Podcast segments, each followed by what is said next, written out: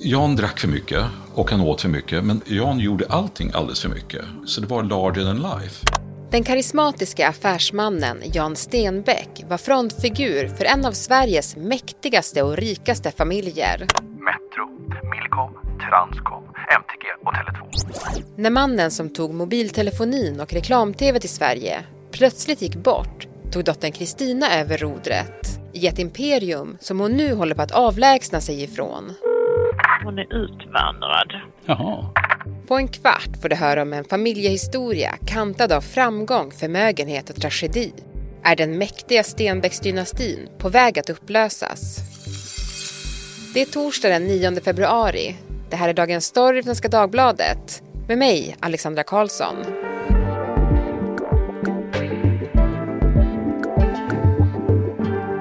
Jan Almgren, du är näringslivsreporter Mm. och en av dem som står bakom SVDs nya poddserie Dynastin Ja. som gjorts tillsammans med produktionsbolaget Banda. Och den här serien berättar ju historien om familjeimperiet Stenbeck. Precis. Du har ju jobbat med det här i ett år. Hur känns det att det nu har släppts? Det känns faktiskt jättespännande. Vi tror att vi har en angelägen historia att berätta här. Så jag menar, det är en historia som rör sig på två nivåer. Det kan man väl säga att det är någon form av granskning av viktiga punkter och händelser i den svenska näringslivshistorien. Men det är lika mycket, eller kanske ännu mer, en berättelse om, om en familj, framgångsrik familj som, som är väldigt drabbad av olika tragedier, förtida död, faktiskt missbruk också. Och det som är intressant är också att de här olika nivåerna i någon bemärkelse kommunicerar med varandra. Det vill säga det som händer i det lilla livet i familjen Stenbeck kommer också få konsekvenser i affärsimperiet. Eh, Så att det finns kommunikation mellan de här två delarna som, som, som jag inte hade förstått riktigt innan och som kommer bli tydligt i, i den här podddokumentären. För allting börjar ju med Jan Stenbeck. Eh, och han är nästan blivit en mytisk figur i Verkligen. svensk näringslivshistoria. Verkligen. Hur skulle du beskriva honom? Jan Stenbeck var någon slags underbar blandning av finansgeni, superentreprenör, eh, ilsken företagare som kunde liksom faktiskt vuxenmobba sina direktörer. Ibland var det nästan någon slags terrorvälde i, innanför Kinnevik eh, där han kunde skälla ut direktörer och sparka dem och sådär. Han var också, kunde vara otroligt charmerande när man var på det humöret. Så att för att vara en näringslivsprofil så var han ovanligt mångfacetterad det var hans personliga sida. Sen när det gäller vad han gjorde i det näringslivet, då, då, om man ska bara koka ner det, så är det i princip en sak. Han introducerade mobiltelefoni i Sverige. Men det, det, det är något oerhört stort. Han var alltså en av de allra första som förstod att den här prylen, nu håller jag i min mobiltelefon här, då, att den skulle bli så helt avgörande i den moderna människans liv. Han var nästan matmissbrukare och han hade också en hög alkoholkonsumtion. Om han var alkoholist eller inte, det, det beror på hur man definierar det. Men han säger själv att han drack regelbundet, han älskade champagne, han älskade gammeldansk. Men det finns också något tragiskt och märkligt i det här. Den här personen som var så otroligt kompetent och kunnig och kunde driva igenom de här fantastiska liksom, processerna att, att kriga med stora monopol och driva igenom mobiltelefoni, inte bara i Sverige utan i delar av liksom, hela västvärlden och även utanför Europa. Och även kommersiell tv. Någonstans så slutar det med att han liksom åt ihjäl sig på, på, på vispgrädde och potatis. Det är, liksom, det, det är så svårt att ta in de här liksom, paradoxerna på något sätt. Både begåvad och ändå liksom, eh, så, så ledsamt. Mm. Och den här historien som du berättar då om, om Stenbecksdynastin, den är ju full av massa sådana här olika kontraster. Och jag tänker att du som ekonomireporter har ju följt det här imperiet hela ditt yrkesliv. Varför ville du göra en serie om just den här familjen? Det är någonting, tycker jag, generellt med finansfamiljer som lockar. Det här med, med liksom maktens korridorer, en familj som styr väldigt mycket, väldigt mycket pengar. Jag, tycker, jag är fascinerad av, av alla olika finansfamiljer och det finns inte så många sådana i Sverige. Vi har Wallenberg som styr Investor, vi har Persson, familjen Persson du vet, som styr Hennes Mauritz, vi har Rausing, Tetra Pak, vi har Kamprad, eh, Ikea och så vidare. Och eh, familjen Stenbeck är ju en av de svenska väldigt inflytelserika finansfamiljerna och jag tycker nog man kan påstå att just familjen Stenbeck är också den mest färgstarka. De är så, så liksom, de sticker ut i mängden, de vågar slå in på nya spår och de har karaktärer och personligheter i den här familjen som inte är lika vanlig i de andra finansfamiljerna. Så jag har lockats av dem eller fascinerats av dem. Eh, och sen finns det förstås någon slags blandning av frustration och intresse av att de är så hemlighetsfulla. Det är många av de här finansfamiljerna ska man väl säga är det svårt att komma in i liksom bakom de slutna rummen. Men, men kanske allra mest hemliga av de hemliga tycker jag är familjen Stenbeck. Där är det väldigt få som har uttalat sig. Och nu plötsligt så fick vi faktiskt access till några utav de här, inte alla men några av dem. Och det gjorde att vi kände att nu måste vi satsa på det här. Mm. Ja, men för ni berättar historien utifrån eh, arvingarna, Mm. alltså barnen. Absolut, det är viktigt här nu. Mm. Det är inte om Jan. Vilka är barnen Mm. i familjen Stenbeck? Ja, bra fråga. Helt eh, centralt. Och det är då Kristina som är liksom familjeöverhuvudet. Det var hon som då tog över, som fick det här affärsimperiet för liksom många miljarder i knät när hon var 24 år. Och sen så är det Hugo Stenbeck som är den äldsta sonen som har haft det kämpigt i livet. Han har brottats med lite olika missbruk. Nu har det vänt så att han, han är nykter. Och sen är det Sophie som har jobbat tidigare mycket med välgörenhet men också nu är engagerad i olika investeringsfirmor och sådär. Och sen så är det minstingen Max som dog så tragiskt 2015, bara 30 år, av eh, någon slags insulinchock. Han hade då diabetes. Mm. Och sen då så finns det det femte barnet naturligtvis som är helt centralt här i vår historia som heter Felix. Felix Granander som Jan fick med en servitris eh, som jobbade på en av hans krogar. Och han eh, föddes då 1997 så han var fem år när Jan Stenbeck dog 2002. Och han är liksom en nyckelperson i den här historien också. Han fick då alltså aldrig träffa sin pappa. Burrow's furniture is built for the way you live. From ensuring easy assembly and disassembly to honoring highly requested new colors for their award-winning seating, they always have their customers in mind. Their modular seating is made out of durable materials to last and grow with you. And with Burrow, you always get fast, free shipping. Get up to 60% off during Burrow's Memorial Day sale at burrow.com slash ACAST. That's burrow.com slash ACAST. burrow.com slash ACAST. Du, som du säger så har ju den här familjen hållit sig ganska konsekvent undan från media. Men eh, Sophie, ett av barnen, du blev hembjuden till hennes hästgård utanför Miami. Varför? Eller hur gjorde du? Ja, hur gjorde vi? Nej, men vi tog en kontakt med henne. Vi hade någon mejladress till henne. Hon har varit intervjuad några gånger tidigare och det var inte helt oviktigt. Vi förstod att hon var inte helt omöjlig uppenbarligen att prata med. Så vi kontaktade henne och skrev eh, vad vi hade för plan, att vi ville göra en dokumentär. Och då svarade hon ganska snabbt att hon ville ha ett telefonmöte med oss. Eh, och där fick vi utveckla våra tankar då.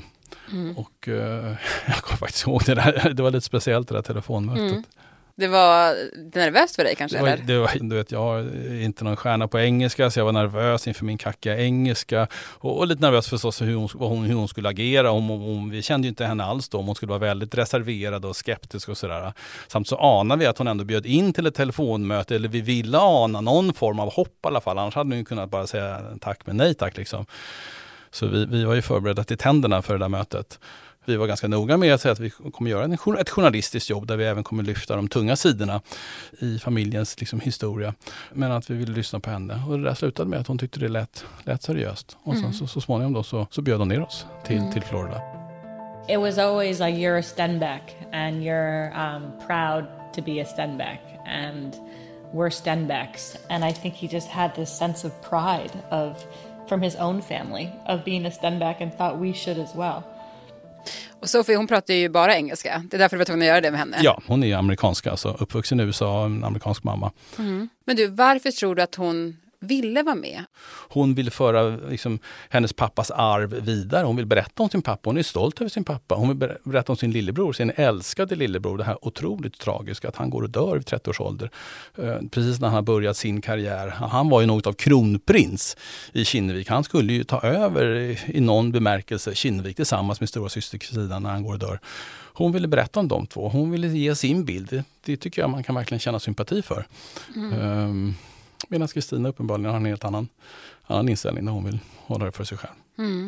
Du var inne på det, men det finns ju också en son som hölls hemlig länge. Felix Granander, det är alltså Jan Stenbecks yngsta son.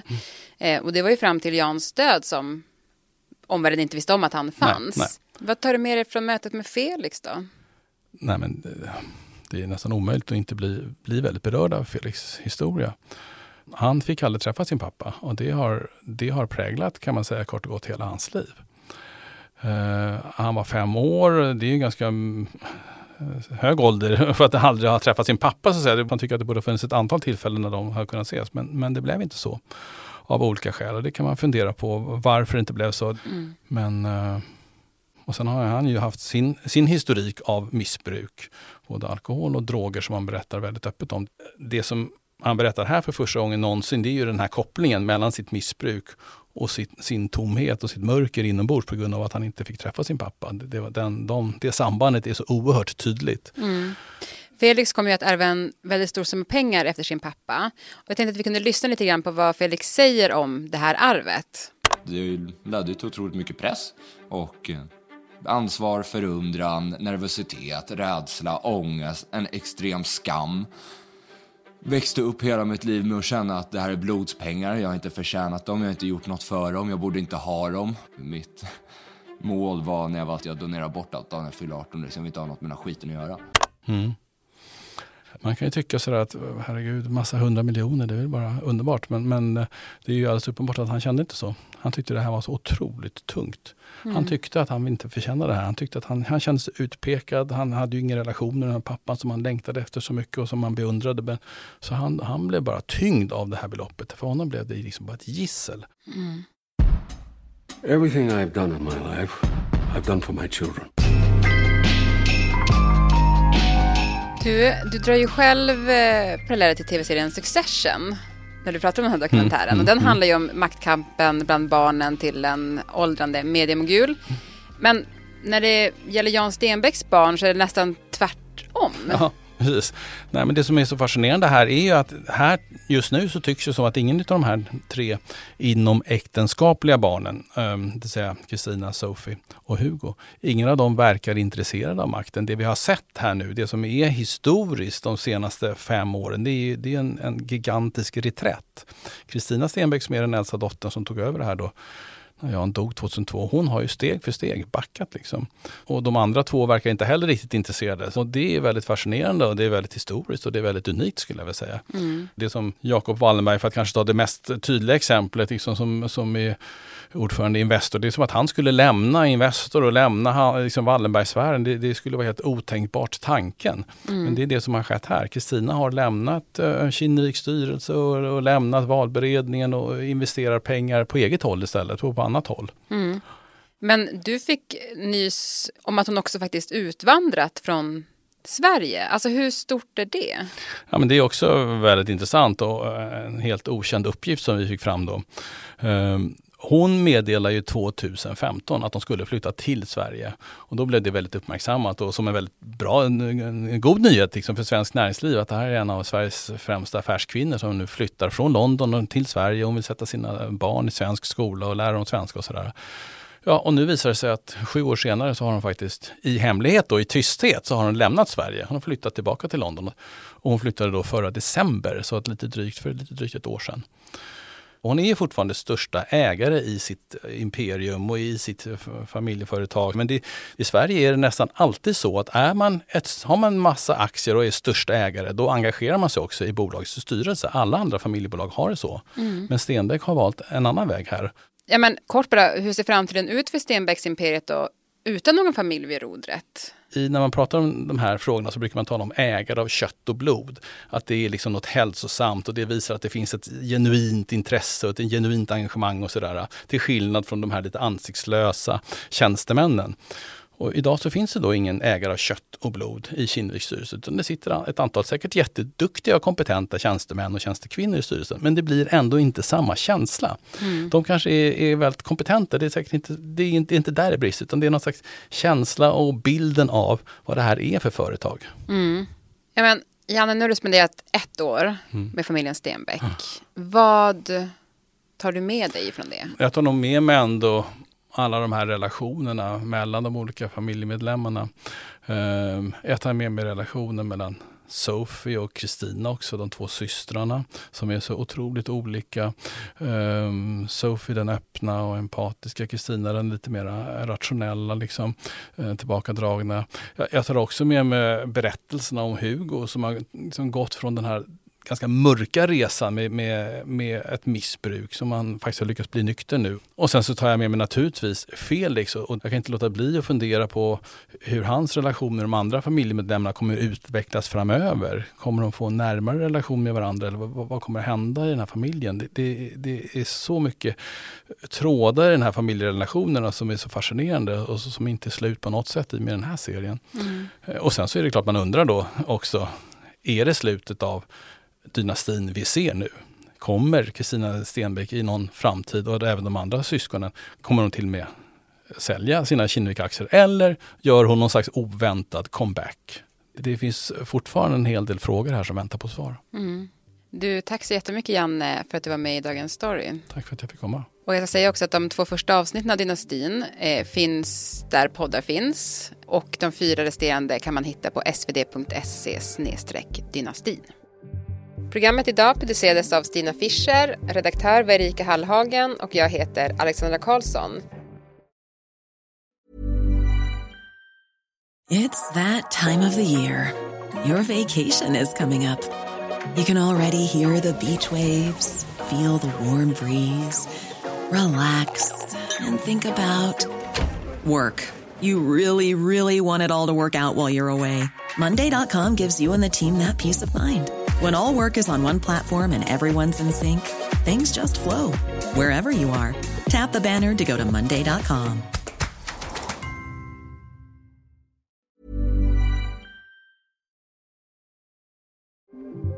Vill du kontakta oss så mejla till dagensstory.svd.se.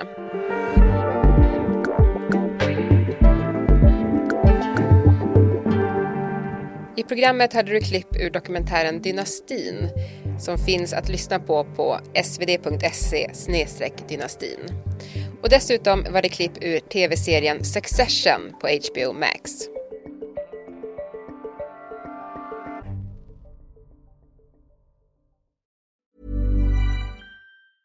Even when we're on a budget we still deserve nice things. Quince is a place to scoop up stunning high-end goods for 50 to 80% less than similar brands. They have buttery soft cashmere sweaters starting at $50, luxurious Italian leather bags, and so much more. Plus, Quince only works with factories that use safe, ethical, and responsible manufacturing. Get the high-end goods you'll love without the high price tag with Quince.